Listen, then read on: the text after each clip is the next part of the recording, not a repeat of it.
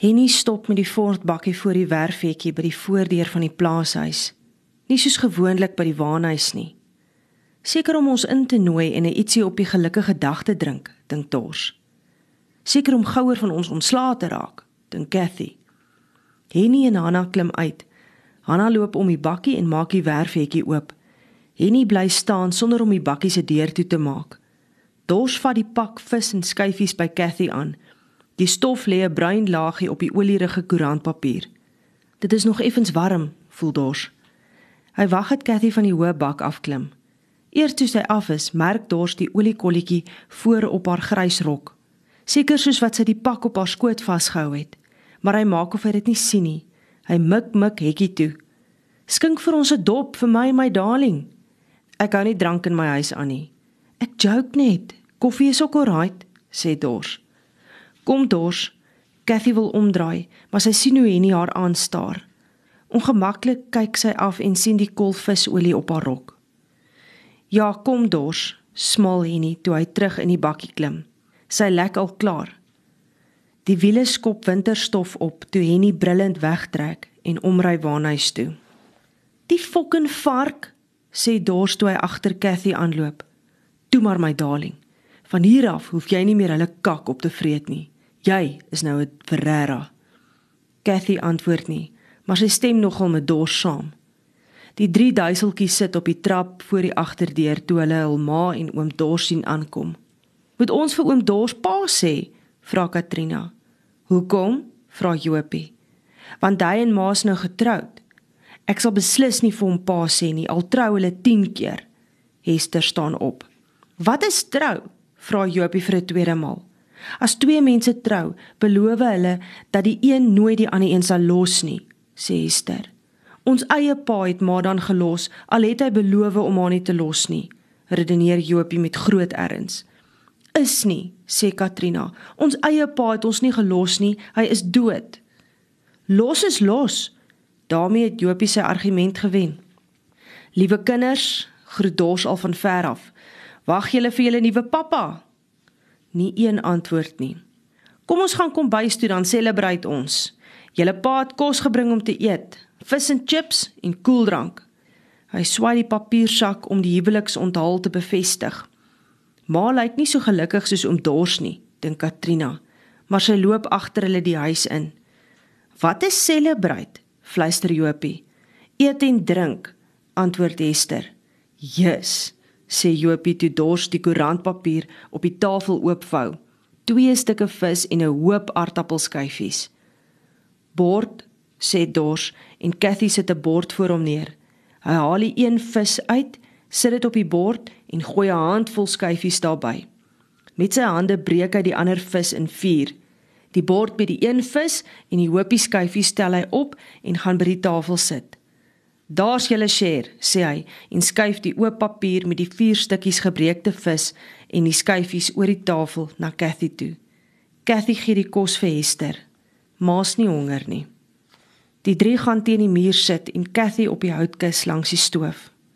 "Jy moet celebrate my darling," sê Dors en hy vroetel in die papiersak, haal twee bottels uit, 'n bottel sherry en 'n botteltjie Coca-Cola. "Bring nou vir jou pa 'n beker my kind," sê hy vir Hester, "en vir jou ma glas of 'n ding." Hester staan op en gee 'n blikbeker en die laaste Victorian koppie vir hom aan.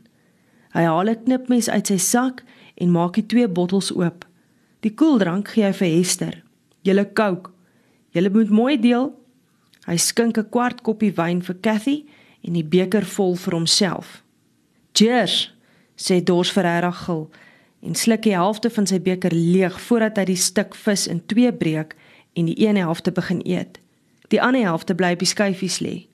Cheers my darling, sê hy en hy swaai sy beker in haar rigting.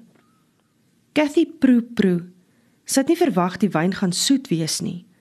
Tannie Hetta het altyd gesê wynproe nes as syn. Sleg. Die reuk van die kos is skerp in haar neus. Sy het in haar lewe nog nooit wyn gedrink nie. Dis soet en sleg en sy moet die narigheid meer as een keer probeer afsluk. Weer wonder sy of sy die regte ding gedoen het, maar besluit sy enige iets is beter as Henny Duisel, die mense van Muurshoop en die verdomde Hoëveld. Sy kyk na haar kinders op die vloer teen die muur. Dit is duidelik dat hulle die onthaal geniet en elkeen vat 'n stukkie uit die botteltjie Coke voordat dit aangestuur word. Kathy glimlag toe sy sien dat Hester kleiner slukkies vat en Jopie amper dubbel sluk. Ek het reg besluit, dink sy. My kinders is slim en in die stad sal daar meer geleenthede vir hulle wees. 'n Goeie skool. Hulle mag nie so swaar kry as wat ek gekry het nie.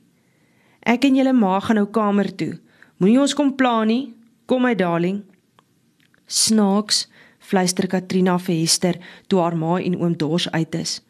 Ander aande moet ons kamer toe. Nou moet hulle kamer toe. Hulle is mos nou getroud, is al wat Hester sê. Die volgende oggend is Dors vroeg wakker.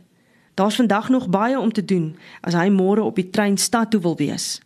Heel eers moet hy sorg dat hy teen 12uur klaar gedors is en die dorsmasjien wegkry na die volgende plaas toe.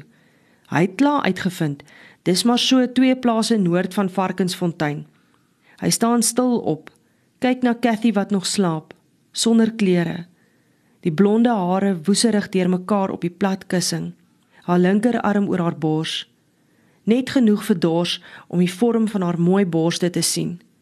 Ou Henny was reg, dink hy. Dis 'n lyf om van te droom. Maar daar's nou nie tyd vir sports nie. Baie om te doen.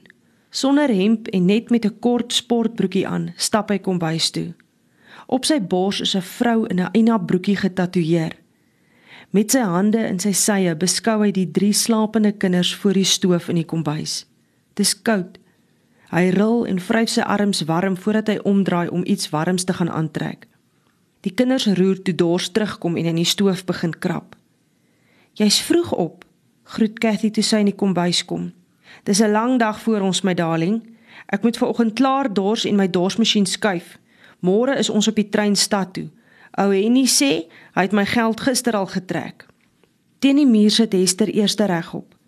Môre ma en môre aan pa dors, sê hy. Môre oom dors. Dors steek die vuur aan en Cathy skuif die ketel op die plaat. Die vuur dreun in die skoorsteen op. Gaan net gou my overall oorgooi, Net 'n koffie en ek is weg. Hoop die volk is al daar.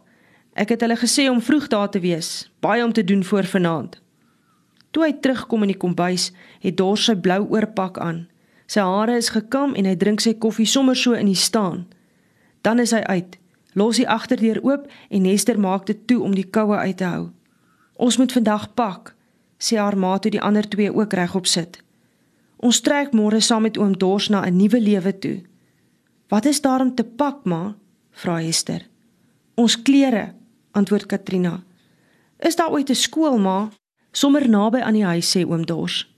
Gaan ons nou in die stad in 'n plaashuis bly, ma? vra Jopie. Enige plek is beter as die plek. Hoop ma, wou Hester sê, maar bly liewer stil toe sy sien haar ma druk haar twee hande op haar gesig, asof sy wil huil.